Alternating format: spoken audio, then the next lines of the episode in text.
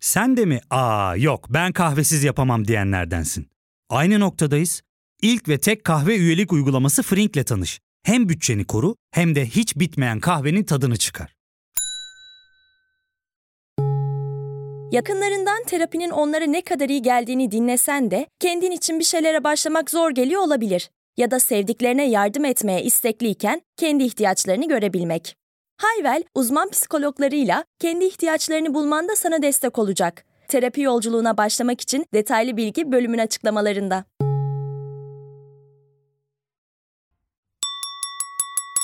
Ama iyi yediğin yeni bölümünden herkese merhabalar. Bugün çok yakın bir şef arkadaşımı misafir ediyorum. Markus'un hem kurucusu hem de şefi sevgili Sinan Büdeyri konuğum.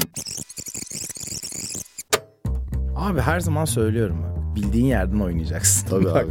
Benim bütün arkadaşlarımdan daha çok askerlik yapmış olabilir. ACDC ile tanışmak gibi filan bir şey yani. Led Zeppelin'le tanışmak gibi bir şey benim. Sinirli bir insansan mutfakta daha da sinirlenirsin. Sakin biriysen mutfak gerçekten daha da sakin olduğun bir yer. Ben orada nasıl bir şef olmamam gerektiğini öğrendim diyebilirim bu arada. Nelere şahit olduk.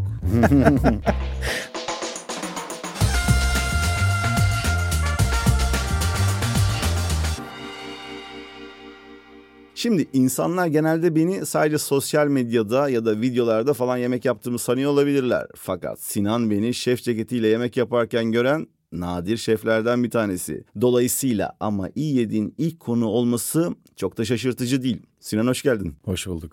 Ee, sence artık insanların kafasında sadece bir ekranda mı yemek yapıyorum? Yok ben senin her türlü haline şahit olan birisi olarak hatta ve hatta Türkiye'deki ilk sektöre girişim biliyorsun seninle Evet. birlikte oldu. Senin aslında mutfakta ne kadar kuvvetli olduğunu hem prep olarak hem de servis olarak bir fiil şahit oldum. Tamamdır. Bunu duyduğumuza göre konuyu kapatabiliriz artık. Eyvallah teşekkür ediyorum. Sinan'la gerçekten tanışmamız çok enteresandı. Sen Amerika'dan gelmiştin. Sonrasında biz Gastronomika adlı bir projenin içerisinde bir araya geldik. Anadolu mutfağını yeniden tanımlama projesi miydi? O kadar geçmişte kaldı ki Tanımlama, şekillendirme, şekillendirme ya da ortaya çıkarma gibi bir şeylerdi. Gastronomika'dan bahsetmeyeceğiz burada. Öncelikle senin bir kariyerinden bahsedelim istiyorum. Neydi, ne oldu, neden şef oldun, neden şu anda yemek yapıyorsun? Çünkü senin de benim gibi farklı bir geçmişin var. Senden duyalım. Tabii. Aslında her şey küçükken başladı. 1984'te Gaziantep'te dünyaya geldim. Daha sonrasında liseyi okuduktan sonra AFS ile Amerika'ya gittim ben. AFS değişim programıyla Amerika'ya gittim. Sürekli yemekle iç içeydim.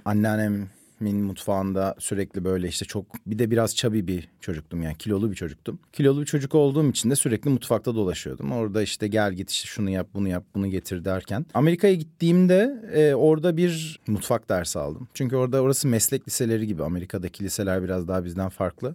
Aldığım derste ilk alma hevesim tabii ki de kızlarla tanışmaktı.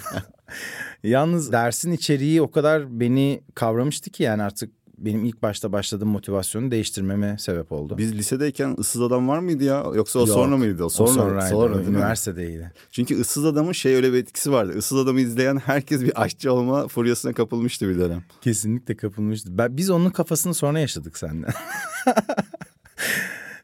Daha sonrasında e, Türkiye'ye döndüğümde çok fazla aklımda hala yoktu. E, üniversiteye başladım. Bu arada sen de e, Sabancı Üniversitesi'nde ne Aynen. okudun. Sabancı Üniversitesi'nde yönetim bilişim okudum aslında.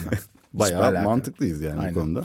Bu arada o orada okuduğum ve orada aldığım bilgiler benim sonrasında işime yaradı. Daha sonrasında ben çok kısa bir süre kurumsal bir firmada çalıştım. Telekomünikasyon firmasında. Ama o firmada çalışırken içten içe böyle yani yaptığım yani ben bu işi galiba yapmak istemiyorum ya da işte kurumsal hayatta kendimi motive edemediğimi hissetmeye başladım. Hissetmeye başlayınca o sıkışmışlık içerisinde tekrar bence benim kendi tanımımla fabrika ayarlarıma geri dönme gibi bir istek çıktı.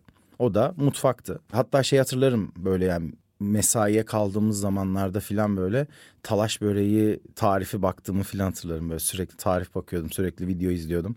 O sıralar YouTube çok büyük bir hitti biliyorsun. Tabii o zamanlar bir e, Ferhat Bora tarifleri serisi yoktu hocam.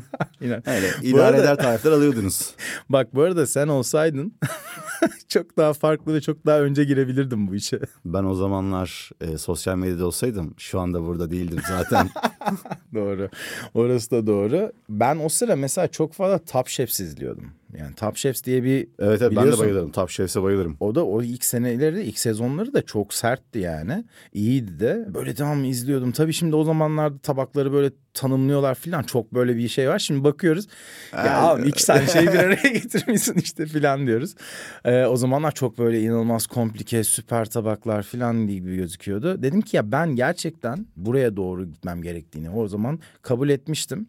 Bunu aileye kabul ettirmek biraz zor oldu. Her zamanki gibi yani bir Türk ailesi normunda. Bizim ailede de sürekli kariyer odaklı bir aile oldu. İyi bir işe gireceksin, orada yükseleceksin, evleneceksin, çocuk yapacaksın. Klasik rota. Klasik bir rota vardı. Bu klasik rotadan çıkma evresi biraz zor oldu benim için. Hatta o kadar zor oldu ki yani Amerika'dan dayım arıyor, anneannem dedem ayrı baskı yapıyor. Antep'ten annem babam, annem babam Selim'i yani abimi İsviçre'deydi o sıra. Uçak bileti alıp Türkiye'ye getirdiler. Dediler ki gel işte bu çocuğu bir konuş. Kardeşinle bir konuş. Aynen hayatını mahvetmek üzere. Yani buna bir engel ol. Geldi gerçekten. En önemli dönüm noktası aslında oydu. Geldiğinde ben de iyi hazırlanmıştım kendi şeyime. Ee, savunmamı iyi hazırlamıştım. Oturduk e, konsey toplandı küçük konsey. Anlattım ben neden böyle bir şey istediğimi, ne yapmak istediğimi. Anlattım. Anlattıktan sonra Selim orada beklenmedik bir şekilde ne ihtiyacın var, ne yapmak istiyorsun, nasıl yaparsın diye konuşmaya başlayınca tabii annem babam şok. Abimle biz artık topu alıp e, gitmeye başladık. Sonrası da aslında çok hızlı gelişti. Ben Johnson Wales Üniversitesi'nde başvurdum. Başvurduktan da iki ay sonra, iki buçuk ay sonra Miami'deydim.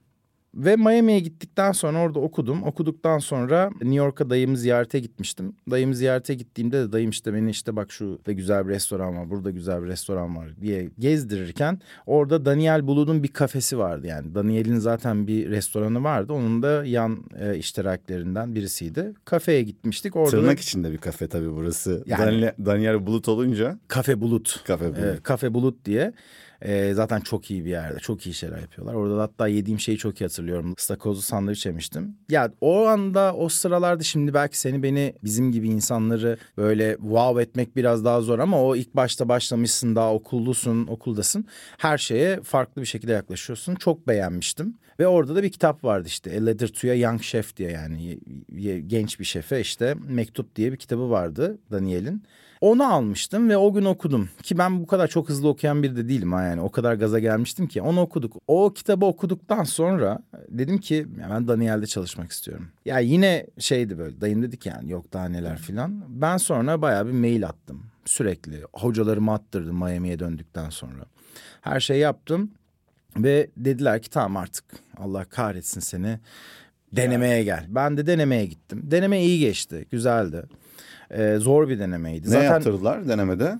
ya deneme şöyle oluyor. Bütün gün sana belli tasklar veriyorlar ve onları yaparken ya yanındaki şef de partinin işlerini yapıyorsun. Ya da işte su şef seni alıyor bir yere götürüyor, bir şeyler yaptırıyor. Seninle birlikte 4-5 kişi daha deniyorlar tabii. Ya bu denemeler bu arada her gün oluyor ve seni schedule'a alıyorlar. Yani belli bir programın içerisine alıyorlar sonrasında. İşte o kesim teknikleri, bıçağı nasıl kullanıyorsun, temiz mi çalışıyorsun, etrafın nasıl dağılıyor mu? Senin çünkü çok küçük yerlerde çalışıyorsun sürekli. Üstün başın temiz mi, diyaloğun nasıl, e, iletişimin nasıl bunların hepsine bakıyorlar. Baktıktan sonra da günün sonunda aslında o tarafı sürprizmiş. Ben bilmiyordum. Günün sonunda seni servise çıkartıyorlar. Servise çıkarttıklarında da pasta yani bizim o işte servisin yapıldığı şefin durduğu yerde duruyorsun ve sadece elinde menü var. İşte şef orada tabaklıyor. Çünkü Fransız modelinde biliyorsun sen de aslında eşyalar geliyor. Su şefler ve şef tabaklıyor ve gönderiyor. Tam tabaklarken özellikle bir şey unutuyor.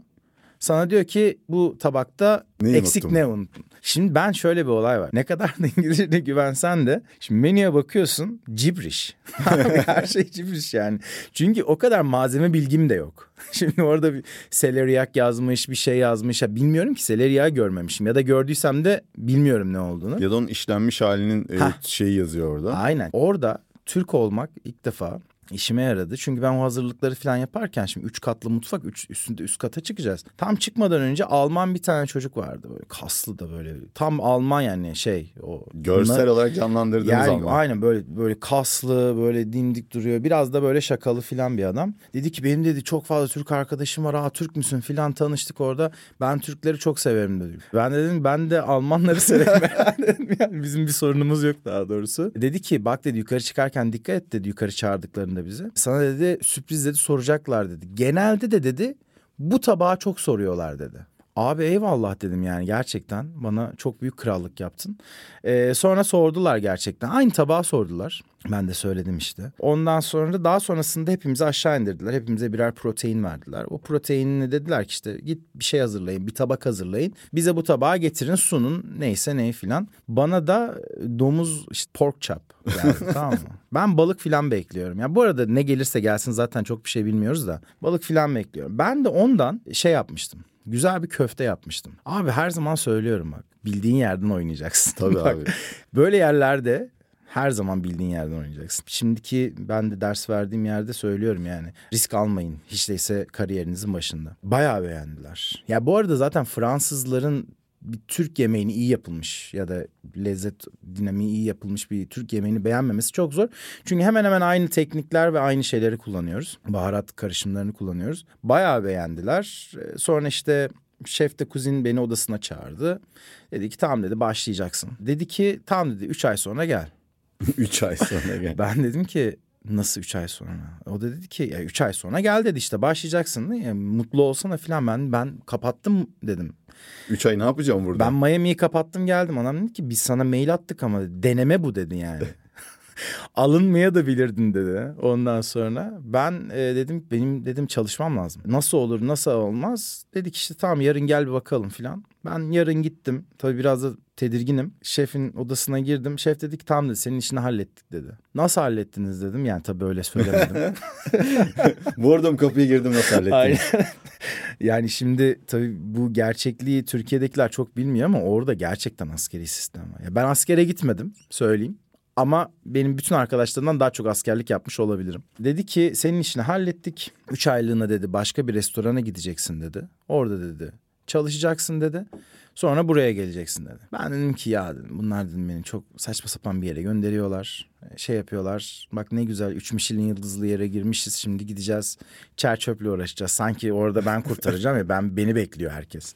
dedi ki işte Persey'e gideceksin. Dedi. Dedim nereye? Dedim nereye? dedi ki Persey'e gideceksin. Dedim bir daha söyle çünkü ben şey yani gerçekten o anda o hissiyat şu anda sen Perse deyince ben de bir daha söyle. Dedim ki bir daha söyle dedim. Nereye gidiyorum? Thomas Keller'ın işte restoranı. Columbus Circle'da. Bu arada tabii biz şimdi Perse deyince ikimiz bir anda yükseldik ama tabii dinleyiciler için Perse nedir onu senden duyalım. Thomas Keller'ın restoranı. Bu arada New York'un bu arada Thomas Keller da yani şu anda hala muhtemelen Amerika işte aşçılar milli takımı vesaire hepsinin başında neredeyse yani Amerikan gastronomisi deyince ilk akla gelen şef. yani şöyle bir şey anlatabilirim daha detaylı olursa. Aslında New York gastronomisine e, damga vurmuş birkaç tane Fransız şef vardı işte. Eric Ripert, ondan sonra Jean George, e, Daniel. Bunlar böyle bir yerden sonra New York gastronomisini alıp başka bir yere koyup oraya hatta turist getiren yegane Fransız şefler. Thomas Keller de onların ekolünden yetişmiş. Gerçekten güçlü bir ve çok Fransız e, ekolüyle yetiştiği için onun yine disipliniyle olan ve birbirleriyle çok iyi anlaşan şef grubu. Ben zaten takip ediyordum Thomas Keller'ı yani. James Beard Award'ları zaten süpürmüş yani kaç kez üst üste almış. Michelin yani her her restorana o sırada işte ise en az iki Michelin yıldızlıydı. Ondan sonra ve farklı yerlerde. Çok Yine da araya iyi. gireyim ben. James Beard Award'da e, Amerika'da aslında en iyi şeflere, restoranlara verilen ödüllerin başında geliyor. Evet hatta Michelin daha gelmeden önce başlamış bir ödüldür ve biraz da onursal bir ödüldür böyle yani onu alan onu da çok böyle herkese vermezler. Ee, ben çok heyecanlandım. Yani bu arada inanılmaz Bu heyecanlandım. arada şu an ben bile heyecanlıyım yani. Şu an hi- hikayenin o kısmında ben de heyecanlandım. Tabii çok farklı bir yer bu arada. Yani şef de beni uyardı. Dedi ki bak dedi yani oraya gideceksin geri döneceksin ha yani. Buraya geldiğinde burasıyla orası biraz farklıdı dedi. Gerçekten de farklıydı işte herkes birbirine şef diyor. Yani oradaki en aşağı komiye de şef diyorsun. Yukarıdakine de şef diyorsun. Yukarıdaki de komiye şef diyor. Herkes şef diyor. Hocam o burada Türkiye'de var. Burada bir restoran mutfağına girince herkes birbirine usta diyor. Evet usta. Usta, usta, usta. Daha iyi usta yani gibi devam ediyor burada da. Biz daha önce çözmüşüz. Evet abi bizde direkt ustadır yani olay. Aynen bir kebapçıdan daha kötü bilemezsin bu işi. Aynen. Herkes birine şef diyor. Kimsenin üstü başı pis değil. Yani kirli değil. Ee, bir yere bir şey dökemezsin. Döktüğün zaman da onu hızlı bir şekilde kaybetmen gerekiyor ortalıktan. Tabii oraya gittiğimde böyle işte herkes tek tip giyinmesi. Sadece su şef de değil hatta. Yani şef de kuzinle işte o head şefin ayrı giyiniyorlar. Yani ayrı giyiniyorlar dediğimde onlar önlük takmıyor. Bu kadar. Bu kadar. Ayrı giyinmeleri bu yani. Hatta şey vardır. Bu The Bear dizisi var ya. The Bear dizisini izlemeye başladım işte bir arkadaşımla izlemeye başladık. Ben mavi önlüğü gördüm. Sonra birbirlerine şef de dedim bu Bu orası. bu dedim ya dedim French Laundry ya Purse. French Laundry çıktı sonra da. Ve çok sertler. Ya gerçekten çok sertler. Yani dizide o taraf biraz abartılmış olabilir ama yani Evet, gerçekten tabii. çok sertler. Orada sinematografik tarafları biraz daha öne çıkarılmış ama diziyi gerçekten hani gastronomiyle ilginiz varsa e, bu diziyi hala izlemediyseniz izleyebilirsiniz. Böyle Güzel de dizi. Güzel dizi. E, gerçekçi bir mutfak hikayesini izleyebiliyoruz. Evet. Ve mutfağın içinde öyle manyaklar var bu arada. Var var. Artık çok bırakmamaya gayret ediyoruz biz etrafımızda Aynen. böyle insanları. Özellikle bence Türkiye bu konuda epey e, çağ atladı diyebilirim. Ama yurt dışında hala hani bunu sürdüren tipler var. Tabii yani nelere şahit olduk. Daha sonrasında 3 ay sonra geri döndüm. Yani o bu arada garip bir şekilde orada işte menü yapımı, yeni menü yapılıyor, denemeleri yapılıyordu. O bana çok gerçekten Kaç güzel bir şey. yaşındaydın bunlar olurken? Bunlar olurken 2009-2010 yaş ortaya çıkacak. Tamam 84'lüyüm diye girdin oğlum. Aynen. 84 Antep doğumluyum diye sen girdin ortaya. Kaç Yani oldu? 25-26 herhalde. Şöyle şuraya gelmek istiyorum. Şu anda mesela e, sen de işte hem ders veriyorsun. Ben de üniversitelerde epey söyleşiye gidiyorum. Hep böyle genç sorgulayıcı bakışlarla işte bu yeni nesil şef adayı arkadaşlarımızla sohbet etme fırsatımız buluyor. Zannediyorlar ki hani okuldan çıkar çıkmaz kapılar sonuna kadar açık zannediyorlar. Yaşın ya da yaşlarının geçeceğini düşünmeye başlıyorlar. Yani diyorlar ki ben işte 25-26 olacağım, 30 olacağım. Bu işi yapamayacak mıyım? Yani şuradan gönül rahatlığıyla söyleyebiliriz. İçinde bulunduğunuz sektör e, gerçekten köşeleri sert bir sektör. Yani kiminle çalışacağınızı doğru seçmek burada çok önemli ve zaman kaçtı diye bir şey yok. 35'ten sonra da muhteşem bir şef olabilirsin. Çünkü bu senin öğrenmenle, nerede çalıştığınla, oradan ne kadar iyi geri dönüşler aldığınla alakalı. Senin şansın burada aslında şu anda sektöre göre geç bir yaş gibi başlasan da çok iyi bir yani nasıl diyeyim perse diyorsun, bulut diyorsun yani daha ne diyeceksin? Yani orada başlamak sana bence çok iyi böyle bir ivme kazandırmış. Evet. Ya bu tabii şans faktörü de var. O, o mevkiyi alman gerekiyor. Burada ya da şansı o şey. ben görmüyorum. Çünkü sana ilk red mektubunu verdiklerinde sen e, bir daha yazmayabilirdin. Yani evet yazmayabilirdim. Yani o şans o değildi aslında. Şans biraz daha işte benim Johnston Wales'a gidebilmem. Ee, orada okuyabilmem. Orada benim abimin bana destek çıkabilmesi. Yani bunlar aslında şans ama tabii ondan sonrasını da iyi kullanman lazım. Çünkü biz orada beş kişi, altı kişiydik. Yani Türkiye'den olarak. Hiçbiri yok sektörde şu an. Hocam. yani ama şey olarak değil yani elendikleri için de yoklar. O kadar sert bir ortamı da herkes kaldıramaz. Bu arada Türkler yani Türkler dedim ya ben kendimi de içine katarak söylüyorum. Psikolojik olarak gerçekten çok büyük bir sınav veriyorsun. Psikoloji yani bir şeyler öğreniyorsun. Çok şey öğretiyorlar sana Fransız şefler. Fransız mutfağı gerçekten bir şeyi öğrenmek istiyorsan ya da bir şeyi böyle muhteşem yapmak istiyorsan sana her türlü detayını açıklayabilecekleri bir şeyleri saklamadıkları bir ortam. Evet ama psikolojik olarak ki baskı yani eee, zaten orayı aşmak çok önemli. Çünkü etik yapıları hemen hemen yok gibi bir şey. İşte ise benim çalıştığım mutfaklarda... İş iştir. Yok, o iş aynen. yapılacak. Yani, yani o işi yaparken de senin psikolojin bozuk mu? İşte annen baban vefat mı etmiş? İşte kız arkadaşından mı ayrılmışsın? İşte köpeğin mi ölmüş? Bilmem bunlar hiç um- o kadar umurlarında değil ki. Yani nasılsın sorusu şey yani öylesine sorulan bir Tabii soru. tabii sabah mesela herkese bir gel, gel gelir gelmez işte sabah sabah sabah sabah filan bilmem ne yapıyor. Ama yani o kadar yalandan soruyor ki sen de yalandan cevap veriyorsun. Çünkü iki saniye sonra ya mesela gülüyorsun bir şaka yapıyor seninle ilgili. Zaten gülmek zorundasın yani şaka. Fransızlar Şe- bu- şefe gülünür. Mesela iki dakika önce gerçekten böyle sanki diyorsun ki yakaladım mı lan diyorsun. O şefle aramda böyle bir şey mi var benim acaba bir yakınlık mı olacak derken iki dakika sonra yani ana avrat ağız burun her şeyle birlikte bir hata yaptıysan tabii laps lups girdiriyor. Hatta ben şöyle söyleyeyim Daniel'e sonra geldiğimde ben kovuluyordum. Hemen gelir gelmez mi? Gelir gelmez kovuluyordum. Yani o, o da şanstı. Çok komik bir şey. Geldim beni bankete aldılar gelir gelmez. Dediler ki bankette çalışacaksın. Şimdi onların banket de aslında tasting menü dediğimiz menülerin herkes bir şey koyuyor. Herkes bir şey koyuyor. İlk girdiğinde mutfağa bana işte mutfağa gezdirdi birisi. Kız mutfağı gezdiriyor. O da işte şefte partilerden biriydi. Ama mutfağı gezdiriyor da üç kat mutfak abi. Yani gez gez bitmiyor zaten. Mutfağın içerisinde dört tane farklı walk-in var. Yani dola, dolap var işte. Soğuk Ondan oda sonra dediğimiz. Soğuk oda dediğimiz dolaplar var. Hepsinde de başka bir sürü şey var. Bir tane dolaba getirdi beni. İçerisine girdik soğuk odanın içerisine. Dedik işte bu da dedi soslar dedi. Bir duvar. bir, yani bir böyle işte troley dolusu bir sos var dedi. Tamam dedim ben de ama o kadar hızlı geziyorum ki yani tamam dedim. Sonra yukarı servise çıkarttılar beni ilk gün. İşte serviste de küçücük bir şey koyuyorsun ya. Yani herkesin böyle önüne tabak geliyor geçiyor geliyor geçiyor. Şimdi ben tabii heyecanlıyım kendimi göstermek istiyorum ama yani koydum da garganelli makarna böyle. Peçeteye batırıyorum koyuyorum.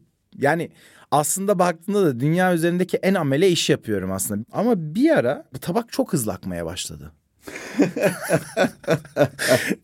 Sanki böyle tabağın yani bana gelen tabak daha da hızlanmaya başladı tamam mı? Dedim bir şey var çünkü farklı bir şey olması. Matematik değişti çünkü. Bir döndüm yanıma Daniel. Dedim ne oluyor lan filan diyorsun. O anda tabii elin ayağın dolaşıyor. Meğersem çok yakın bir arkadaşı girmiş. Biz de yapıyoruz ya. Çok yakın bir arkadaşları tasting menü alıyormuş. O da mutfağa dalıyor. Ben de giriyorum filan diyor bilmem. Bir de orada fotoğrafçısı filan da var onun öyle tabii ona bedavaya girdirmiyorlar mutfağa. Ondan sonra çekiyor filan bilmem ne şey yaparken abi benim böyle biraz eli ayağım dolaştı. Ben oyundan düşmeye başladım. Yani belli oldu bu arada. Alex diye bir su şef vardı. O kurtardı beni orada. Belli oldu. O da görüyor dışarıdan. Ondan sonra Sinan dedi sen gel dedi. Seni burada arayacaklar dedi. gel dedi. Ondan sonra tam beni çıkarken dedi ki orada işte su şef var. Şu sosu getirin dedi. Tamam mı? Aşağıdan. Gastrikli bir sos vardı. Üzümle yaptığımız gastrik sosu vardı. Şimdi biliyorum çok iyi de o zaman bilmiyorum ben onu. Ondan sonra o sosu getirin dedi. Alex dedi ki aşağı in soğuk odadan sosu kap gel dedi. Ben o kadar hızlı çıktım ki. Mutfaktan. Sen sosun adını da unuttun orada değil mi? Oğlum hiçbir şey yok.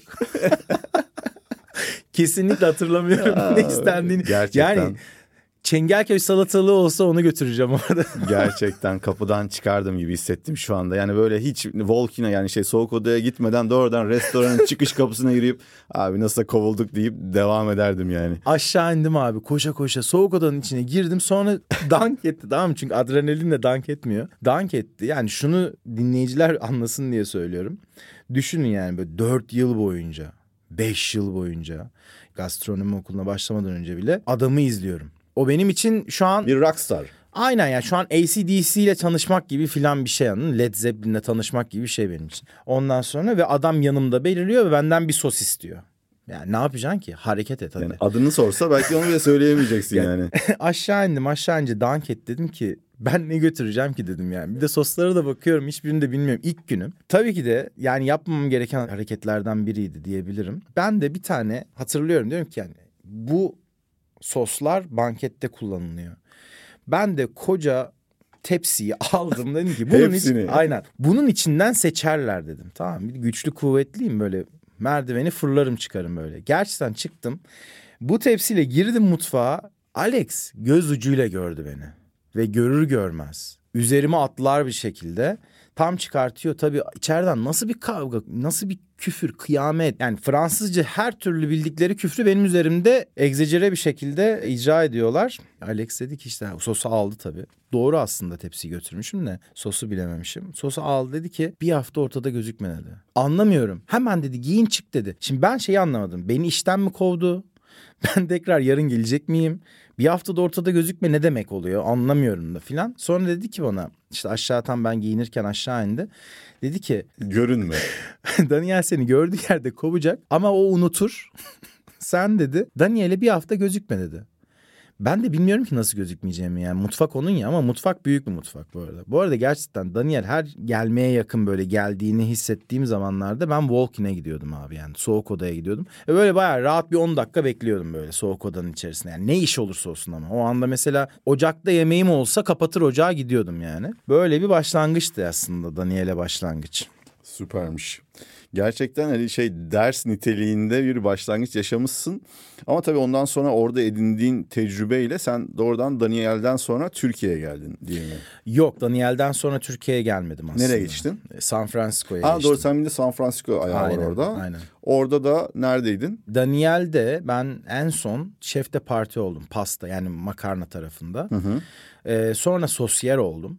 Ki o benim için iyi bir yükselişti aslında sosyer olmak. Sosyer olduktan sonra dedim ki ben Şöyle diyebilir miyiz? Herkes şef olabilir ama sosyal olamaz hocam. bu arada ben kendimi öyle avutuyordum. Yani güzel bir yer. Çünkü sosyerlik şefte partilik değil aslında. Başka bir Evet, başka bir dışında. mevki yani. Başka bir mevki yani. Orada şefte parti ya da bir şey olmuyorsun. Orada sosyer oluyorsun. Sosyerlik güzel ama sosyerliğin şöyle bir sıkıntısı vardı. Mesela bir mantar getirirler böyle 9 kasa. Bunu ayıklaman gerekir çünkü sosyersin. Ve bu bitmez. Yani böyle e, ilkokulla dönersin, ortaokuldaki e, saçma sapan anılarını hatırlarsın filan. O sırada birisi sürekli geliyordu. Böyle San Francisco'dan bahsediyor. Kaliforniya. Devamlı övüyor. Ama yani sanki öyle bir başka bir yer yokmuşçasına böyle yani. Narnia gibi böyle. Övüyor övüyor övüyor. Dedim ki ya ben dedim gideyim buraya ya. Dedim yani burada beni ne tutuyor ki? Sonra orada başvurdum. Ee, San Francisco'nun üst tarafında Napa bölgesi o şarap bölgesinde. Orada o sıralarda iki Michelin yıldızı vardı. Red diye bir restoran. Oraya gittim. Orada da bir işe başlamak için üç aylık bir süre vardı. Ben yine erken gittim oraya da. Ee, dediler ki işte tamam üç, üç buçuk ay sonra başlarız falan. Dedim bu sefer okeyim ya. Bu Gezi- sefer gezeceğim bu sefer de. Kabul ederek geldim. Zaten New York'tan da çok sıkılmışım. Evet New York ezici bir şehir gerçekten. Evet çok ezici ve çok yani istediği zaman çok kötü niyetli olabilen bir şehir. Yani İstanbul gibi de değil. Herkes İstanbul'a ben- benzetiyor ama yani çok daha zor bir şehir hayatta kalması. Yani gerçekten günde 12-13 saat çalıştığımız zaman şey oluyorduk böyle. Ha bugün rahat geçti ya filan diyorduk. Biraz daha kolay bir gündü filan diyorduk. Çok zor bir çalışma şeydi. Tabii az maaşlar veriliyor. Çok çalışma aslında senin de işine geliyor. Ekstra filan alıyorsun. San Francisco valla çiçek gibi geldi ya. Yani gerçekten ne diyeyim ne söyleyeyim yani o kadar güzel bir şehir, o kadar güzel bir hava. İnsanlar senin o bozulan psikolojini düzeltmek için sanki bir araya geliyor ve sana işte bir şeyler vermeye çalışıyorlar böyle hep mutlular. Ben orada bir üç ay tabii ki de boş durmak istemedim. Şey değildi legal bir çalışma değildi. Bir şeye kadroya girme gibi bir şey yoktu ama. Tamam canım Amerikan Maliye Bakanlığı Aynen. bizim programı dinlemiyordur diye tahmin ediyorum. Dinliyorsa benim vizemi şimdi iptal etmesinler. Ondan sonra orada Tartin Bakery'e girdim. Dedim ki Oo. biraz, biraz dedim ekmek öğreneyim hamur falan bu işlere biraz gireyim dedim. Yine olar mı olar yani tartin bakery de yani bakery deyince tartindir. Evet. Herhalde bütün hani dünyadaki iyi fırıncıların, ekmekçilerin illa bir rafında tartin kitabı vardır. Kesinlikle. Ya ben öyle de olduğunu düşünüyorum. Bizde de vardı biliyorsun. Chet Robinson. Çok iyi adam. Ee, Çok şey bir adam yani. Kral adam derler ya böyle tam o işte bizim tabirimizle. E, Çok da böyle zen. Ya tabii o çok farklı bir geçişti benim için. Çünkü çok ağır ve böyle şey bir mutfaktan, sıcak mutfaktan her şey böyle kaos her şey fırlıyor. Bir anda böyle herkesin sabah e, detoks juice'uyla ya da kahvesiyle işte bu sabah ne zaman nasıl başlasak filan diye rahat rahat böyle klasik müzikle yaptığın bir şey Bir mayalarımıza bakalım. Aynen aynen. Yani herkes o kadar sakin ki. Ya ben mesela şey yapıyorum yani. Kendimi öyle şey gibi hissettim. Oraya gidiyorum, oraya gidiyorum. Koşuyorum, koşuyorum. Bir dakika. ne yapacağız? Bekleyeceğiz. Neden bekleyeceğiz? E mayalanıyor. Mayalanacak. Yani böyle bir enteresan bir şey vardı böyle. Kaç kez temizleyebilirsin tezgahı gibi.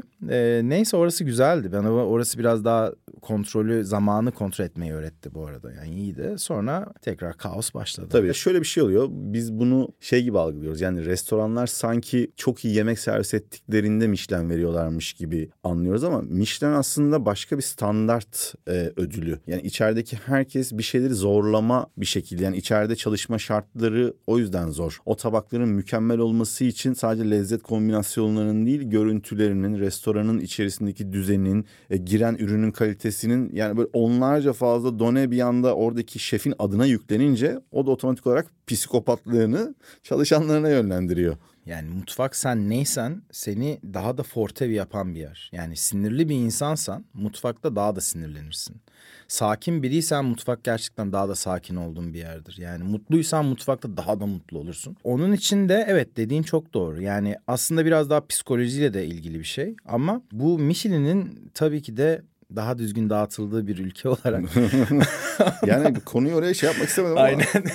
daha düzgün dağıtıldığı böyle herhangi bir Turizm Bakanlığı'nın işin içine girmediği bir noktada şöyle oluyor. Orada çok daha büyük bir stres oluşuyor. Kaybetmemek bir stres, o başarıyı sürekli daim kılmak bir stres. Tüm bu stresler bir de psikopat bir şefle birleşince hayatın senin gerçekten çok enteresan bir yere gidebiliyor. Yani ben orada nasıl bir şef olmamam gerektiğini öğrendim diyebilirim bu arada. Zor bir süreçtir red süreci. Gerçekten çok e, yüksek bir şey vardı. Tansiyon vardı ve sürekli her gün 120 kuver, 150 kuver ve bunlar da cidden ciddi kuverlerdi. Daha sonrasında tam olarak ne yapmak istediğime yavaş yavaş karar vermeye başlamıştım. O noktada da kendimi şöyle test ediyordum. Yani ne kadar daha burada kalırım? Yani iki tane valizle ne kadar daha dolaşabilirim Amerika'yı? Orada bir kalma ve gitme şeyi vardı ama gitme kararını vermeden önce daha doğrusu Amerika'dan ayrılma kararını vermeden önce açık ateş işte barbekü olsun açık ateş olsun aslında onu öğrenmek istiyordum. O sırada da işte Santa Elena tarafında biraz daha kuzey tarafa gittiğimizde Orada Meadow Ranch dedikleri bir e, böyle her, her şeyi kendilerini yetiştirdikleri ve böyle açık pitlerde işte dönüşlerle işte etleri pişirdikleri, marine ettikleri bir yere girdim. Şu ve anda orada ül- ülkemizde de bu artık yavaş yavaş böyle e, fancy ortamlarda Aynen, yapılmaya aynen. çalışıyor diyebiliriz. Yapabilen yerler var mı çok emin değilim ama yapılmak isteniyor. Güzel bir çaba bence. Yapılabilir. zor. Yani o, o çok fazla Abi Amerika'da yani bu adamların çok fazla şey var. Alanları Arazi- fazla, arazi büyük. Çok o kadar o kadar büyük bir arazi ki yani. Biz de hobi bahçesiyle bu restoranı geçindiriyoruz diyen şefler de var. Böyle güzel bir yerde de çalıştım. Güzeldi, iyiydi. Orası daha sakindi tabii. Biraz da yükseldikçe biraz daha az çalışmaya başlıyorsun fiziki olarak. Ondan sonra da Türkiye'ye döndüm. Süper. Vallahi şahane bir bence e, kariyer öyküsü dinledik. Bizim Sinan'la e, böyle hem restoranlara danışmanlık verdiğimiz hem de nitelikli cateringler yaptığımız bir ufak şirketimiz vardı ama ne bizim verdiğimiz seviyede danışmanlıklar veriliyordu o dönemde. Evet. Ya da işte e, rekabet fiyatları böyle inanılmaz olan catering camialarıyla boğuşacak gücümüz vardı. Bizi kimler kimler ezmedi biliyorsun. Hatırlıyorsun o şeyleri. Yani bizim bir de o dönemin paralarıyla hani atıyorum 1 liraya ürettiğimiz ürünü ki biz ondan para da kazanmıyorduk. Rakibimiz 10 kuruşa veriyordu mesela. Ve veriyordu bir daha Ve veriyordu yani. bunu Yani ve ondan Üretim para değil yani. Veriyordu yani. Ama Neyse. işte evet zor bir şeydi. Bak mesela şimdi kursak. Şimdi kursak şov olur. Şimdi tamam şu an satarız. Aynen. Şu an- o zaman adımız da bilinmiyordu belki o yüzdendir. Aynen. Bizi, Bence bizi tanımıyorlardı.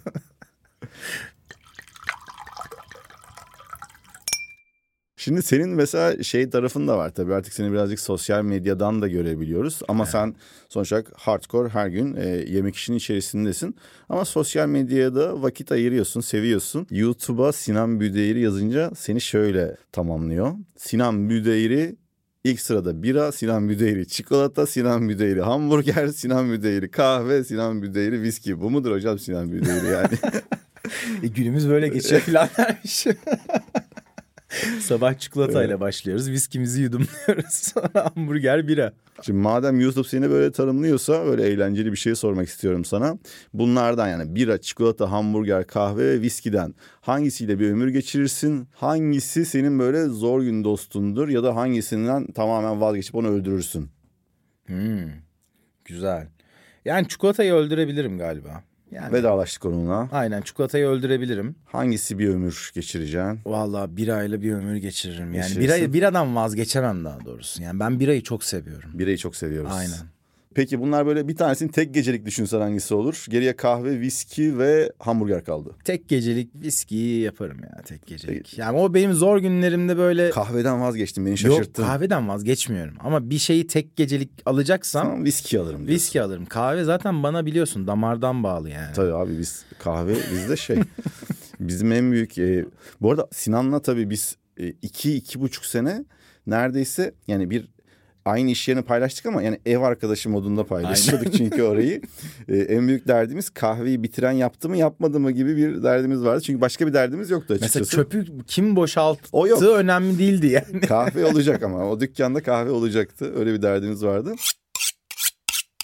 Bu arada benim milyonlarca videom var YouTube'da vesaire. YouTube beni de tanımlıyor. Ferhat Bora yazınca kısır tarihi, ıslak kek ve brownie çıkıyor. Yani bunlar ben bunlar ben miyim sence? Ya bu arada şöyle bir şey var. Yani ben sosyal medyanın içerisinde kendimi biraz daha fazla var etmeyi bir tık aslında senden de şevklenerek yaptım. Eyvallah. Ee, çünkü bizim için yani şu anki şefler içinde, şu anki restoranlar içinde aslında sosyal medya bir mecranın dışında kendimizi anlatabildiğimiz bir yer. Kendimizi biraz daha. Çünkü biz tabaklarla ne yapıyoruz aslında? Biz yaptığımız tabaklarla, menülerle ya da işte etkinliklerle biz kendimizi ifade ediyoruz. Yani insanlarla konuşuyoruz. Biz tabaklar üzerinden konuşuyoruz. Burada araya gireceğim. Bir de kendini ifade etmeye çalışırken böyle bazen eline yüzüne bulaştıran olabilir ya. İşte bunlar da şovcular. Şık şıkı, şık şıkı, alev şov. Ya bu tamam evet ekranda baktığınız öyle değişik bir şey ama yani sizin şefliğinize ya da yemek yapma kabiliyetinize dair bir şey göstermiyor bize. Biz de her zaman söyleriz ya kendini daha az kelimeyle ifade etsen keşke diye. Böyle bir jargon vardı mutfakta. Yani biraz daha az kelime, sadelikle. Kendin neyse Aynen. onu göstermek. Bu arada şey yani işin sırrı da bu bu kadar. Yani ben e, bugün hani tüm geri dönüşlerim bu yüzden e, beni mutlu ediyor. Çünkü beni görebiliyorlar. Ben olduğum gibi davranıyorum. Evet birazcık daha normal günümde şey gibi yani bu. Oranın da çalışma alanı biraz mutluluk alanıdır. Yani ben kötü bir günde geçiriyorsam ekran önünde birazcık daha gülümserim. Ya da işimi daha severek yaptığımı belli ediyorum. Çünkü beni ilk defa izliyor da olabilir karşıdaki kişi. Senin demin söylediğin şey çok doğruydu. Yani işte o bütün o şovlar, alevler, işte kaşıkla dans değil mi? O kaşık Kaşıkla bir dans şey. şey artık şey cheddar'ı tavandan eritip Aynen dökmek mi tavandan istersin? eritip Çok büyük şeyler işte büyük büyük hamburgerler ya da şeyler yapmak. Yani bunlar e, biraz daha böyle sanki bir ayıp örtme gibi geliyor zaten. Zaten bizim sektörün içinde de öyledir. Yani şimdi bizim sektörün içinde derken bu şöyle bir şey mesela yönetmenlerin bir film izlemesiyle senin benim bir film izlemem ne kadar farklıysa biz ne kadar filmi çok severek izlesek de onlar der ki "Eh, sen beğenirsin. Sen beğenirsin. Bu aynen bize bana da bazen oluyor bu. İşte öyle bir burger yedim. Altı kat içine öyle sosu vardı. Böyle Evet. etin tadı. Abi etin tadı yok. Evet. O zaman sen beğenirsin. Kaç Yani gram et var? 60 gram et var. E o kadar sosu yani. O kadar sosu beğenirsin. O kadar şekerle ben de tatlıyım Aynen. zaten. İşte bunun gibi biraz daha ayıp örtme Evet. noktaları bunlar. Onun için biz onlara çok tava olmuyoruz. Ama yani beğenene de bir şey demiyorum artık. Eskiden çok söylüyordum da şimdi artık söylemiyorum. Ya fark ettin mi? Biz en çok kahveye para harcıyoruz. Yok abi, bundan sonra günde bir. Aa, sen Frink kullanmıyor musun? Nasıl yani? Yani kahvenden kısmına gerek yok. Frink'e üye olursan aylık sadece 1200 TL'ye istediğin çeşit kahveyi istediğin kadar içebilirsin. Günlük 40 TL'ye sınırsız kahve mi yani? Çok iyiymiş. Aynen. Hatta şu anda 200 TL'lik bir indirim kodu da var. E hadi hemen indirip üye ol da bu fırsatı kaçırma. Terapiye başlamak, içinden çıkamadığın döngüleri kırmak, bazı yanlış bulduğun kararlarını değiştirmek ve kendinle beraber daha huzurlu bir yaşam inşa etmek için atabileceğin en değerli adımlardan biri. Hayvel ile yoğun yaşam tempona uyum sağlayarak online terapi seanslarını takvimine göre ayarlayabilirsin. Bini aşkın uzmandan sana en uygun terapisti seçebilir, podb10 koduyla indirimden yararlanabilirsin. Detaylı bilgi açıklamalardaki bağlantıda. Şimdi o zaman sana böyle bir seri sorular soracağım. Senin için bir şeyleri değiştiren, bir şeyleri bulduran böyle bir tat var mı? Yani nedir o mesela? Benim için tuz mesela. Senin için var mı öyle bir şey? Galiba benim için de tuz. Tuz yani, değil mi? Ya ben e, şöyle bir şey söyleyebilirim. İyi bir şef, yani tabii ki de her şeyi okumamız lazım, öğrenmemiz lazım. Ama gerçekten o hani şey tarafına geldiğin zaman böyle kendini de iyi hissedersin ya böyle artık tecrübelisindir. Öğrenecek hala çok şeyin vardır. Ama bence tuzu doğru kullanmayı öğrendiğimiz an biz gerçekten mutfakta iyi bir şef oluyoruz. Yani tuzu doğru zamanda, doğru miktarda, doğru şekillerde bence o tam bir kapalı kutu. Herkes için aslında kapalı kutu değil de bizim hiç önemseme yani daha doğrusu şu anki şeflerin ya da işte genç arkadaşların gerçekten böyle yani tuz atayım Hayır o değil. O, o değil, o değil. Kesinlikle değil. Ben yani yeri geliyor yemeği diyorum ki 6 kere ya da 8 kere tuzlayacaksınız. Ama Evet. öyle avuçla değil. Tadına bakarak. Aynen. ya bu arada şöyle bir şeyden bahsetmiyorum işte. Abi ben görmeden bir tuz atarım her şey. Hayır. O değil. yani O marifet de o değil zaten. Marifetli değil o. Çünkü bir kez yaparsın, üç kez yapamazsın. Olmaz yani. Onun için tuzu ne zaman doğru, doğru zamanda, doğru şekilde kullanmayı öğrendiğinde bence bir böyle çentik atlamış oluyorsun. İşime ben mesela tatlıyı da çok düşmem. Ama tuzluya düşerim. evet. Ve o bende kafa açar. Yani farklı tuzları kullanmak, farklı şekillerde kullanmak. Zaten o anda da insana sen de öylesindir. Mesela mutfakta biri bir çorba yapar ki en basit şeylerden biri. Seni böyle alır çocukluğuna götürür ya. Aynen. Dersin ki kimsin abi sen gel buraya. Bu arada sen e, çocukluk demişken senin çocukluğun Antep'te geçti. evet. E, böyle bir hani apartman hayatı mıydı e, yoksa böyle müstakil ev miydi? Yok apartman hayatıydı. E, apartmanda peki böyle burnuna şu anda düşünsen şu koku geliyordu ya bizim apartmanda ve beni çok heyecanlandırıyor dediğin bir yemek kokusu var mı? Abi her zaman var. Bunu bu arada her zaman yani böyle kilometreden alır ve o apartmana dönerim. Gaziantep Fevzi Çakmak Bulvarı'na dönerim direkt. Sulu köfte. Sulu köfte. Abi, patatesli sulu köfte abi. Üf, yoğurtlu mu? Yoğurdu sonradan döker bizimkiler. Ama fırın patatesli sulu köfte fırın. Aa. Ee, bu İzmir köfte gibi düşün Evet, aslında. anladım. Ama işte onun tabii biz yuvarlak yapıyoruz. İz- İzmirlileri sevmediğimiz için çok fazla.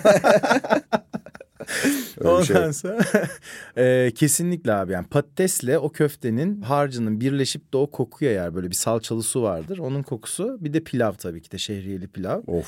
Ben bu ikisinin kokusunu nerede olsa alırım. Arada sırada benim apartmanda şu an oturduğum yerde de biri yapıyor. Kim olduğunu tam çözemedim. Kapıları gezmek lazım. Aynen biri yapıyor. Bir gün bir gün kapışacağız onunla teyzeyle ama yani onu her zaman hatırlarım. Bu arada hem annen hem anneannen yakınlar mıydı yoksa aynı apartmanda mıydınız siz? Ya Gaziantep'te herkes birbirine yakın. Peki- Ama aynı apartmanda değildik. Annenin yemekleri mi anneannenin yemekleri mi? Ya ben bunu artık yani annemle kavga ederekten artık artık söylüyorum. Yani annem yemek yapmayı sevmiyor. Ha. Sevmezdi. Sevmeyen Yani- insan zaten o kadar Yani iyi yemek şöyle bir şey vardı mesela işte öyle bizde kesin sana da söylemişlerdir. Bana çünkü milyon kez söylediler işte. Aslında zeki çocuk da çalışsa olur. Çalışmıyor. Annem de sürekli kendine şey yapıyor. Ama yaptım mı tam yaparım. Ya yapmıyordu. Yaptığı zaman da tam yapmıyordu. Ama anneannem inanılmaz bir kadındır. O zaman anneannenin hangi yemeği? Şu yemek anneannemden yenmeli Yuvarlama. yemek. Yuvalama anneannem mi? Aynen yuvarlama. Vay be. Ee, Yani an- gerçek bir Antepli anneannen. Evet yani o da doğma büyüme. Bizim bütün sülale doğma büyüme Antepli. Yani şöyle başka bir yerlere gitmiş göçmüş birisi yok. Yuvalamayla kuru patlıcan dolmasını anneannemin üzerine ben şu ana kadar daha yemedim. Yani birçok yerde de yedim bu arada. Peki hani böyle birçok tarifle uğraşıyoruz. Yani aklına bir reçeteler geliyor, birçok yemeği deniyoruz vesaire ama bir tane yemek söyleyecek olsan herhalde ben bunu ne olursa olsun asla unutmam dediğin bu yapmış olduğun yemeklerden bir tanesi de olabilir. Sürekli yapmayı sevdiğin yemeklerden bir tanesi de olabilir. Galiba lazanya. Lazanya. Aynen. Yani farklı bir şekilde de değil aslında baktığımda. Ama ben işte lazanya yaptıktan sonra bir de kızartmayı falan da seviyorum. Bunu böyle biraz farklılaştırmayı şey yapmayı seviyorum. Güzel. O lazanya. Yani beni makarnayla kimsenin sınamaması lazım. Abi yani. makarna evet bizim bu arada şey gibi oluyor. Evet, bizim şimdi arkadaşlığımız size belki böyle biraz e, hızlı geçmiş olabilir ama yani yemek zevklerimiz de benziyor. Bizim işte yani kahve seviyoruz, makarna seviyoruz ve bazen mutfakta kendi kendimize yemek yaparken şey oluyordu yani. Ya ona onu koyacak mısın? Şunun tadına ben de bakayım mı? Genelde çünkü e, biz Sinan'la böyle ufak da olsa söylenmeyen küçük sınırlarımız vardı. Yani herkes kendi yemeğine kendisi bakar tadında Evet. davranıyorduk. Aynen. Birbirimizi yemeğe çok bakmazdık yani. Evet, ama yani şey makarnayla kimse beni sınamaması gerekiyor. Öyle düşünüyorum işte ise çünkü ben de kendimi sınamıyorum. Yani kilo vermeye çalıştığım için daha fazla. Ben de yavaş yavaş orayı çok yani unutturmaya çalışıyorum kendimi ama yani benim vazgeçemeyeceğim ve yaptığımda da en çok kendimi beğendiğim tabaklar makarna ve ravioli tabakları. Peki repertuarında şimdi birçok tarif var, birçok çeşit yemek var. Ama yani böyle bir tane tarifim var abi. Yani bunu müşteriye vermek istemiyorum. Bunu kendimde tutuyorum. Sadece hani kendime pişiriyorum. Bir de böyle iyi gördüğüm insanlar varsa onlara belki ikram ediyorum dediğim böyle özel sır tarifim var mı? Var. Ee, bir tanesi var hatta o kadar sır ki o kadar sır ki şu anda da Yani. söylemiyorum deyip Hayır. kapatıyormuş. güzel olurmuş. Yani tarifin içerik olarak Aslında çok basit olmasına rağmen yapılış süreci o kadar komplike bir tarif ki zaten paylaşsam da kimse almıyor. Ha tamam bunu sen yaparsın diye. Ee, benim ramen tarifim aslında. Hmm. Tabii abi ramen şimdi katmanını yaratamadıktan sonra Aynen, düz hiçbir bir şey. tarif. Düz bir tarif aslında. Evet ramen bence sıkıcı da birçok yerde. Evet yani şöyle yani ben mesela ara ara ara başlıyorum. Ara ara başlıyorum. Ben bir tane tarifi çıkarttım. Kendi tarifimi çıkarttım. Bunun için de bu arada iki sene falan bayağı çalıştım yani. Böyle okudum, baktım, ettim. Sonra kendime bir tarif çıkarttım. Tabii ki de buradaki balıklardan. Yani oradan bir şey getirtmiyorum ben. Burada kendim kurutuyorum. Kendim tütsülüyorum. Kendim e, şey yapıyorum. Şu anda Hatta- dinlerken vazgeçti zaten. Tarifi Aynen. merak eden kişi kendim getirdim, kuruttum dedi. Tamam orayı bıraktı orası. Onun sadece stoğunu yapmak yani o e, altındaki Suyu. likidi, suyunu yapmak 22 gün sürüyor. Yani onun Güzel için- tamam 22 günlük bir sürece. Ama şey Ee, yaparsan bir haber ver ya bir tadına bakarım Bu yani. arada yeni batchler bitti. Hadi ya. Artık yapabiliyorum yani. Ha, süper. Bir gün sana yapacağım onu. Teşekkür ederim. Şimdi güzel de geziyorsun. E, gezme fırsatı da buluyorsun. Yani e, genellikle birazcık hani daha böyle Amerika kıtası. Avrupa çok takılmıyorsun. Yok Avrupa'da yok. Avrupa'da biz yokuz. Avru- Avrupa'da yokum abi. İngiltere e, ya da Amerika. Peki bu işte gezilerden ya da işte belki de okul zamanından da olabilir. Aklında kalan böyle tek bir yemek var mı? Ya o yemeği bir daha yiyemedim dediğim bir yemek var mı bu gezilerden? Ya her gittiğimde yediğim bir şey var. Hmm.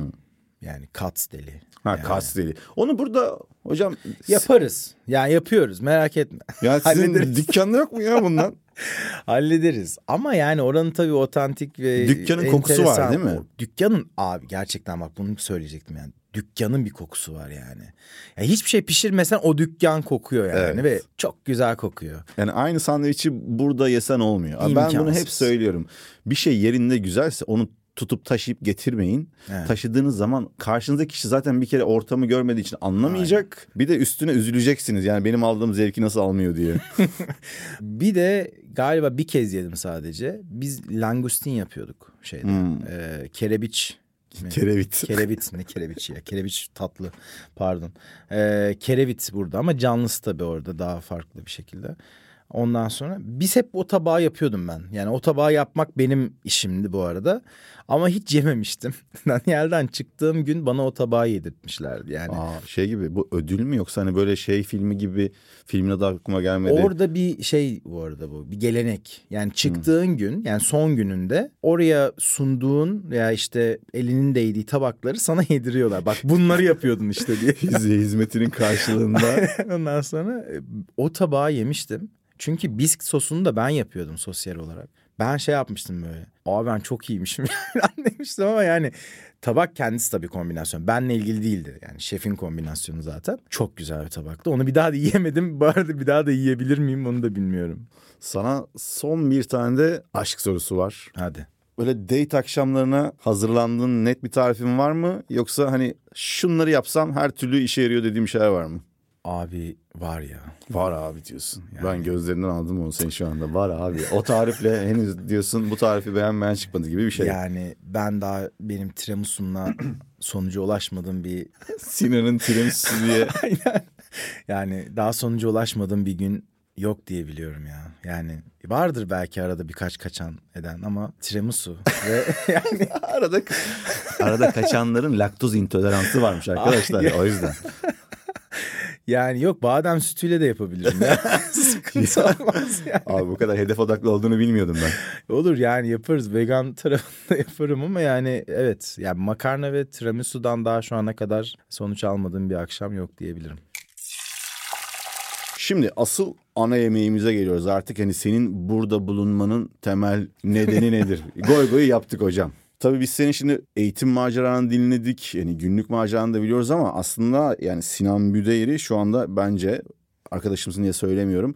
Yani gelişimine de tanık olduğum için bunu rahat rahat söyleyebilirim. E, bu işe gerçekten emek veren, e, bu işi geliştirmeye çalışan, her seferinde daha iyisi var mı diye merak eden, daha iyisini yapmak için elinden geleni yapan, bunun için para harcayan nadir şeflerden bir tanesisin. Çok sağ ol. Yani bana bir 5-10 şef say deseler yani ilk üçte seni saymadan geçmem imkansız. Çok sağ ol abi. E, seni tanımayanlar belki dışarıdan belki Sinan bu arada e, Fransız e, sistemden geldiği için Sinan'la mutfakta çok fazla çalışamayabilirsiniz. Gerçekten hani mutfak yüzüyle Sinan'ın bu gülümser sesi arasında biraz fark oluyor. Çok değiştim biliyor musun? Son zamanlarda görmedim. Bu arada bu gelişimin biraz şeyi senle de başladı. Yani onu söyleyebilirim yani. Zaten seninle olan yolculuğumuzun sonlarına doğru ben zaten değişmiştim çoktan. Evet evet. Peki o zaman şimdi şöyle oluyor. Sen artık yani kendini şef gibi mi hissediyorsun yoksa bir restoran patronu gibi mi hissediyorsun? Ya ben kendimi her zaman şef gibi hissediyorum. Yani hatta daha az restoran patronu gibi hissediyorum. Ben kendimi daha az patron gibi hissediyorum.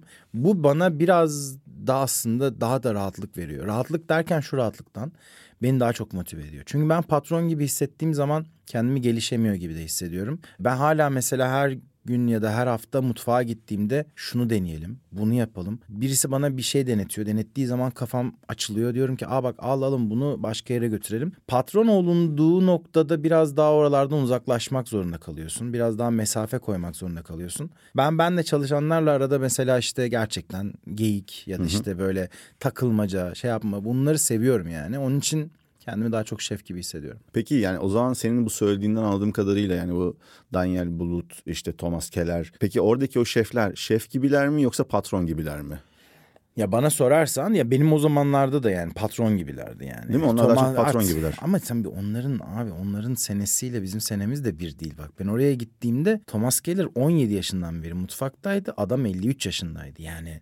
ben oraya gittiğimde adam zaten benim iki katım kadar mutfakta zaman geçirmişti çoktan. Yani Daniel desem bunlar Daniel Fransa'da Nice'de başlamış işe 13 yaşında. Yani seni beni çırak vermediler annemiz babamız. Yok. Kıyamayıp da. Biz 13 yaşında yani Aynen ben 13 yaşında ben ne yaptığımı hatırlamak bile istemiyorum yani. evde yemek yapıyorduk ya o zamanlar. yani evde yemek yapması. Ben 13 yaşında kilotla etrafta dolaşan biriydim yani Antep'te yani. Onu, onu söylemeye çalışıyorum yani. Bu insanlar mutfaktaydı. Onlar o zaman da bile patrondu. E şimdi artık zaten Bir de şöyle bir ayrım var. Bundan da biraz bahsedelim istiyorum. Şimdi bazen şefler patron haline geliyorlar. Yani owner haline gelebiliyorlar. Bir de bazen investor yani yatırımcı dediğimiz patronların şeflerle birleşme anları oluyor. Bu modeller günümüzde epey yaygın. Artık hani insanlar restoranlara da yatırım yapmak istiyorlar. Biz bunlara bazen işte patron restoranı diyoruz. Eğer şefleri biraz önde tutuyorlarsa ya da şeflerin menüsü çalışıyorsa o zaman da şef restoranı oluyor. Ama yanılmıyorsam ağırlık şu anda patronların elinde gibi duruyor. Yani şefleri işe alıp kendi menülerini aşçılara, şeflere yaptırıyorlar gibi duruyor. Yani bu konuda bir fikrini duymak isterim. Yani bu aslında her, seçim bir vazgeçim lafı vardır ya bizim hep kullandığımız bir laftır bu. Bu biraz daha o ranın gelişimini nasıl gördüğüne ya da yatırımcının parasını ne zaman almak istediğiyle ya da nasıl bir ilerleme kaydetmek istediğiyle bağdaşıyor. Bir de şöyle bir olay var tabii yatırımcı nasıl orada? Yani yatırımcı olarak mı orada? Mesela şefle ortaklar ve şefe bir yüzdesi varsa zaten şefi öne çıkartmakta bir sıkıntısı olmaz. Çünkü şef öyle her istediği zaman pat diye ben gidiyorum diyemez. Ama dediğin doğru. Neden böyle bir yere gidiyorlar? Çünkü aslında bu teknik direktör gibi bir şey. Yani mesela Galatasaray'dan bir Fatih Terim'i çıkartamıyorlar. ara ara yine bize geliyor gidiyor filan. Buna maruz kalmamak için aslında yapıyorlar. Yani şefe çok fazla odaklandırmıyorlar. Onun için de herkes orayı bir şekilde o yeri doldurabiliyor. Ama şefle olduğu zaman da tek bir iletişim kanalı olduğu için de o şefi parlattığı zaman aslında otomatikman restoranı da parlatmaya çalışıyor. Çünkü bir işletmeyi parlatmak aslında daha fazla maliyete sebep oluyor. Yani bir insanı, bir kişiyi sen de biliyorsun sosyal medyadan ya da işte ajanslarla yapılan çalışmalarda genelde bir kişiyi parlatmak, şahıs olarak parlatmak onun bir karşılığı vücut bulmuş hali olduğu için daha kolay.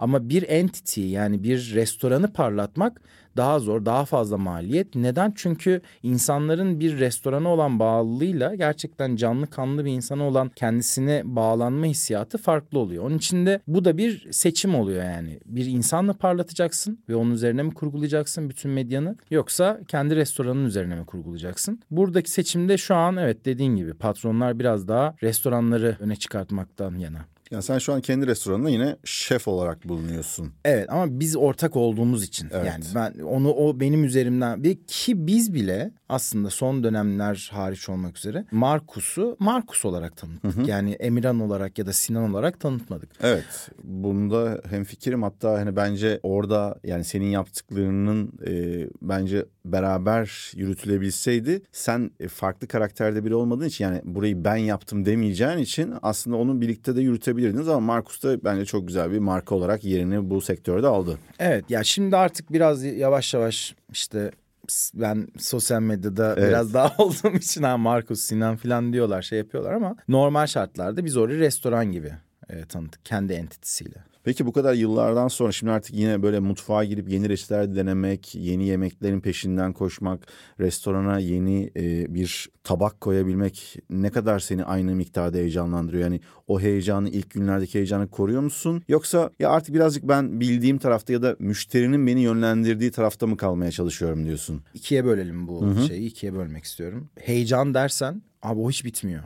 Yani sen de biliyorsun. Evet. Sıkıntılı insanlarız biz. Biz biz öyle rahat insanlar değiliz. Ve böyle kurcalar ya böyle şey yapar. Yani mesela gerçekten mesela bazen birisi bana bir şey denetiyor. Bir saat sonra kafası geliyor bana bunun. Ve ondan sonra sinirim bozuluyor. Geri dönüyorum. Şimdi biraz da işe yakın oturuyorum. Yalan yok şimdi. İşe o kadar yakın oturmasam dönmeyebilirim.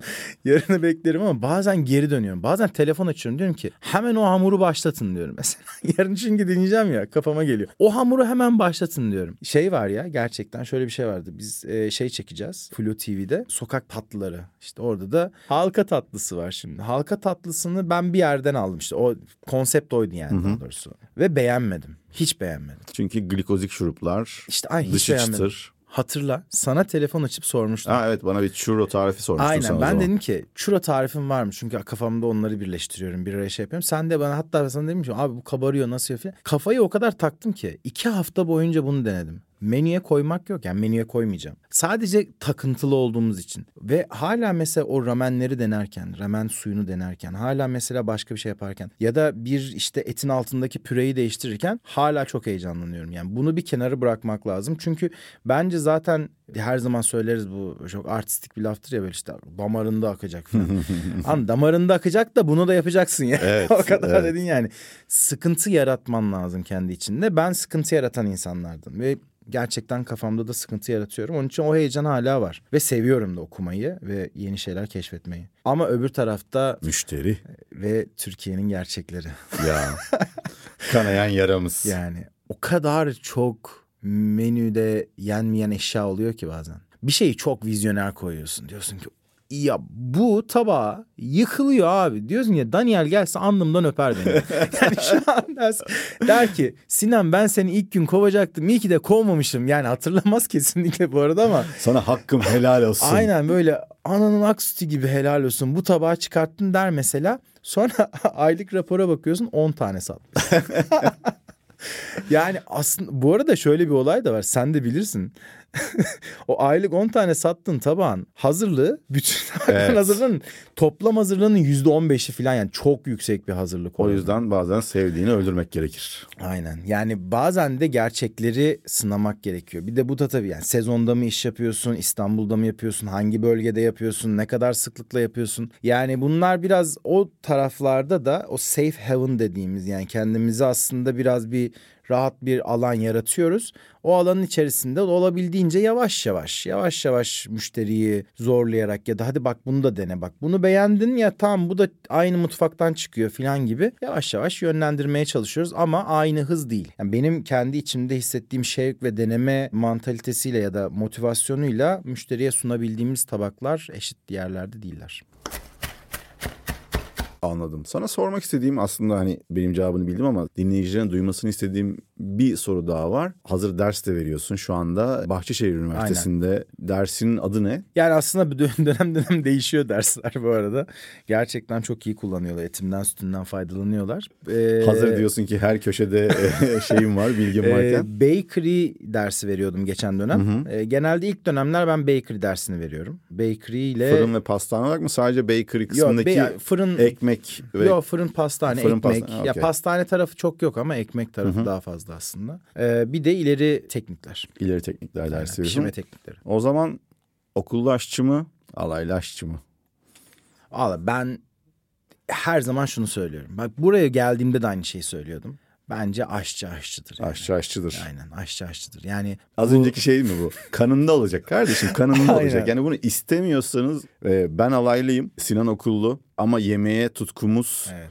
Çok benzer. Yani bu gerçekten evet okulda öğrenebileceğiniz belli bir metot var ve bunu siz yapabilirseniz, öğrenebilirseniz bunu çok iyi aktarabilirsiniz. Alaylı olduğunuzda bir zorluk var. Metodu kendiniz öğreniyorsunuz. Bazen yanlış öğrenebiliyorsunuz. Yanlış kişilerin yanında çalışarak bu sektörü yanlış öğrenebiliyorsunuz. Yani kendi adıma da şanslı olduğum taraf oydu. Ben de işte CIA yani Culinary Institute of America'nın kitaplarını torrentle kaçak indirdim. Boston Cooking School'un kitaplarını kaçak indirip O zaman öyleydi ama. Evet o zaman öyleydi. Torrent'ten kaçak indiriyorduk. Yani yapacak bir şey yok. Yani onları çalışarak kendi metotlarımı geliştirdim. Çünkü neden? Farklı bir eğitimim vardı. Benim de finans eğitimim var. Ama doğru bir eğitime doğru kendimi e, kanalize ettim. Alaylı olmak siz aşçı olamazsınız anlamına gelmiyor. Buradan senden de anladığım kadarıyla. evet. Ya da okullu olmak sizi çok iyi aşçı yapar anlamına da gelmiyor. Evet. Ben onu şöyle bir detayına inebilirim. Çünkü ikisiyle de benim mutfağımdakilerin yarısı alaylı. Yani daha önce başka yerlerde çalışmışlar, okula gitmemişler. E okulda da hepsi okullu olacak inşallah. Yani mezun olabilirlerse. E, şöyle bir durum var. Arada çok büyük bir fark yok. Sadece başlangıç olarak okullu olduğunuzda bir tık daha işte bulaşıkhanenin dışında başlıyorsunuz. İnsanlar size okullu olduğunuz için çok böyle çerçöp işler vermiyor gibi gözüküyor ama aslında gerçekten de çok da sizi ileri götürmeyen işler başlatıyorsunuz. Başlıyorsun yani oradan başlıyorsun. Ama alaylı olduğunda da eğer kendini yetiştiremediysen senin gibi ya da diğer arkadaşlar gibi yani çünkü sen mesela alaylısın ama abi yani ana dilin gibi İngilizce konuşuyorsun, okuyorsun, yazıyorsun, araştırıyorsun. Yani o kadar çok teknik biliyorsun ki yani okulda değil zaten göstermen ama okuldan başlamış da şu an bir yere gelmiş insandan daha fazla teknik gösteriyorsun. Ve bunları da böyle yani çok rahat bir şekilde gösterebiliyorsun ya. Şimdi alaylı olduğunda da eğer kendini geliştiremezsen gidebileceğin yerin bir sınırı oluyor. Ve o tavanı aşamıyorsun. Ama bu tavan iki taraf için de geçerli. Çok yani çok haklısın. kendini geliştirmek zorundasın. Yani ben mesela ben şöyle söyleyeyim. Ben bir buçuk senede bitirdim. Çünkü diğer derslerimi saydırmıştım. Ama eğer saydıramasaydım gerçekten büyük bir zaman kaybı olacaktı benim için. Benim için öyleydi. Ben biraz daha geç başladım. O zamanı restoranlarda geçirmeyi tercih ettim. E, bu tamamıyla tercih. Yani kendinizi nerede daha rahat görüyorsunuz. Şeyi hatırlar mısın? Bir tane yanımıza işe aldığımız bir çocuk vardı.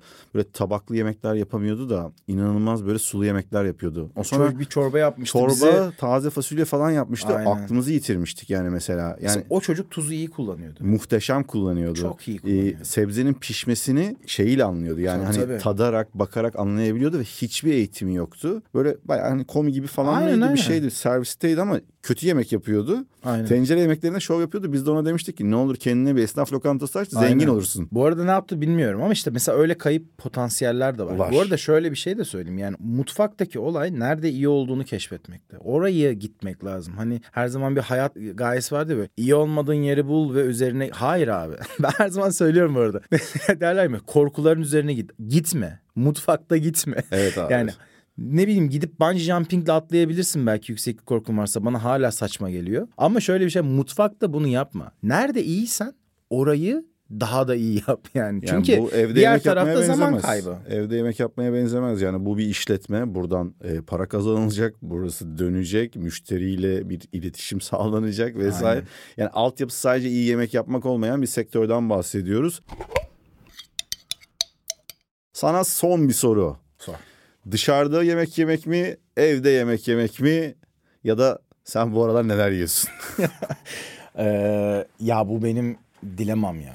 Yani şöyle. Ben genelde e, böyle restoran restoran yerlere gitmeyi sevmiyorum. Yani orada olabildiğince dışarıda bir yemek yiyeceksem gerçekten iyi bir ocakbaşı.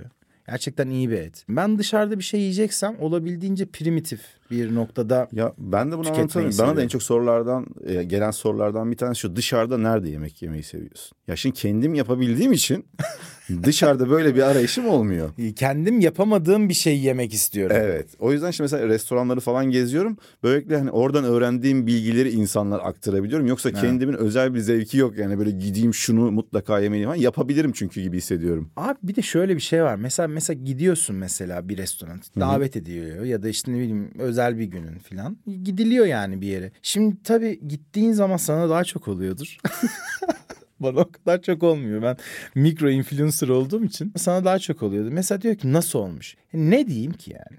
Abi hiçbir şey diyemiyorsun. Ellerinize sağlık. Muhteşem El- olmuş yani diyorsun şimdi yani. fikri anlıyorsun, olayı anlıyorsun. Execution da olabilir ama işte ne dedin? Tuzu eksik falan. Ne Tuz, ben? tuz kesin eksik Kesin abi. eksik tuz bu arada. kesin eksik. Yani sonraki cevap da şu ama müşterilerimiz sevmiyor. E ben Ben sormuyorum. Sen yine soru sorup cevabını alıyor. Ben sormuyorum bile. Ben yani nasıl her şey çok güzeldi. Ellerinize sağlık, emeğinize sağlık diyorum ve çıkıyorum. Benim mesela en çok gitmeyi sevdiğim yerler biracılar.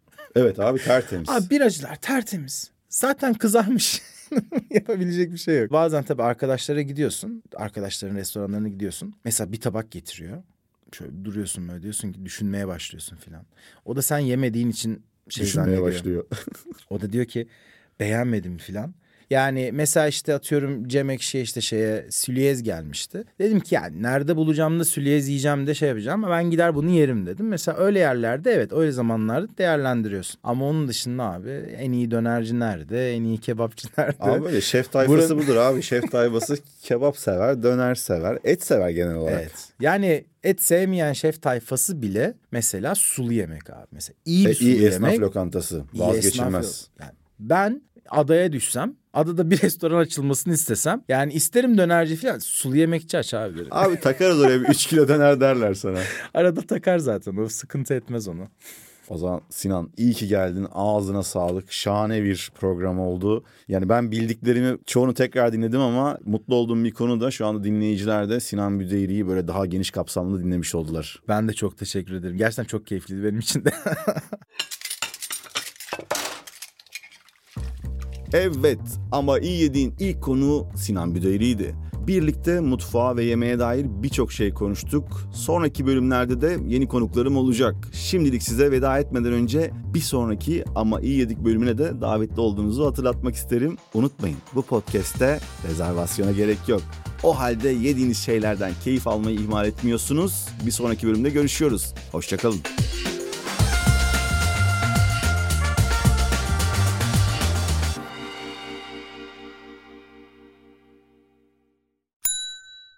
İlk ve tek kahve üyelik uygulaması Frink, 46 ildeki 500'den fazla noktada seni bekliyor. Açıklamadaki kodu girerek sana özel 200 TL'lik indirimden faydalanmayı unutma. Hadi sen de Frink üyeliğini başlat, kahven hiç bitmesin.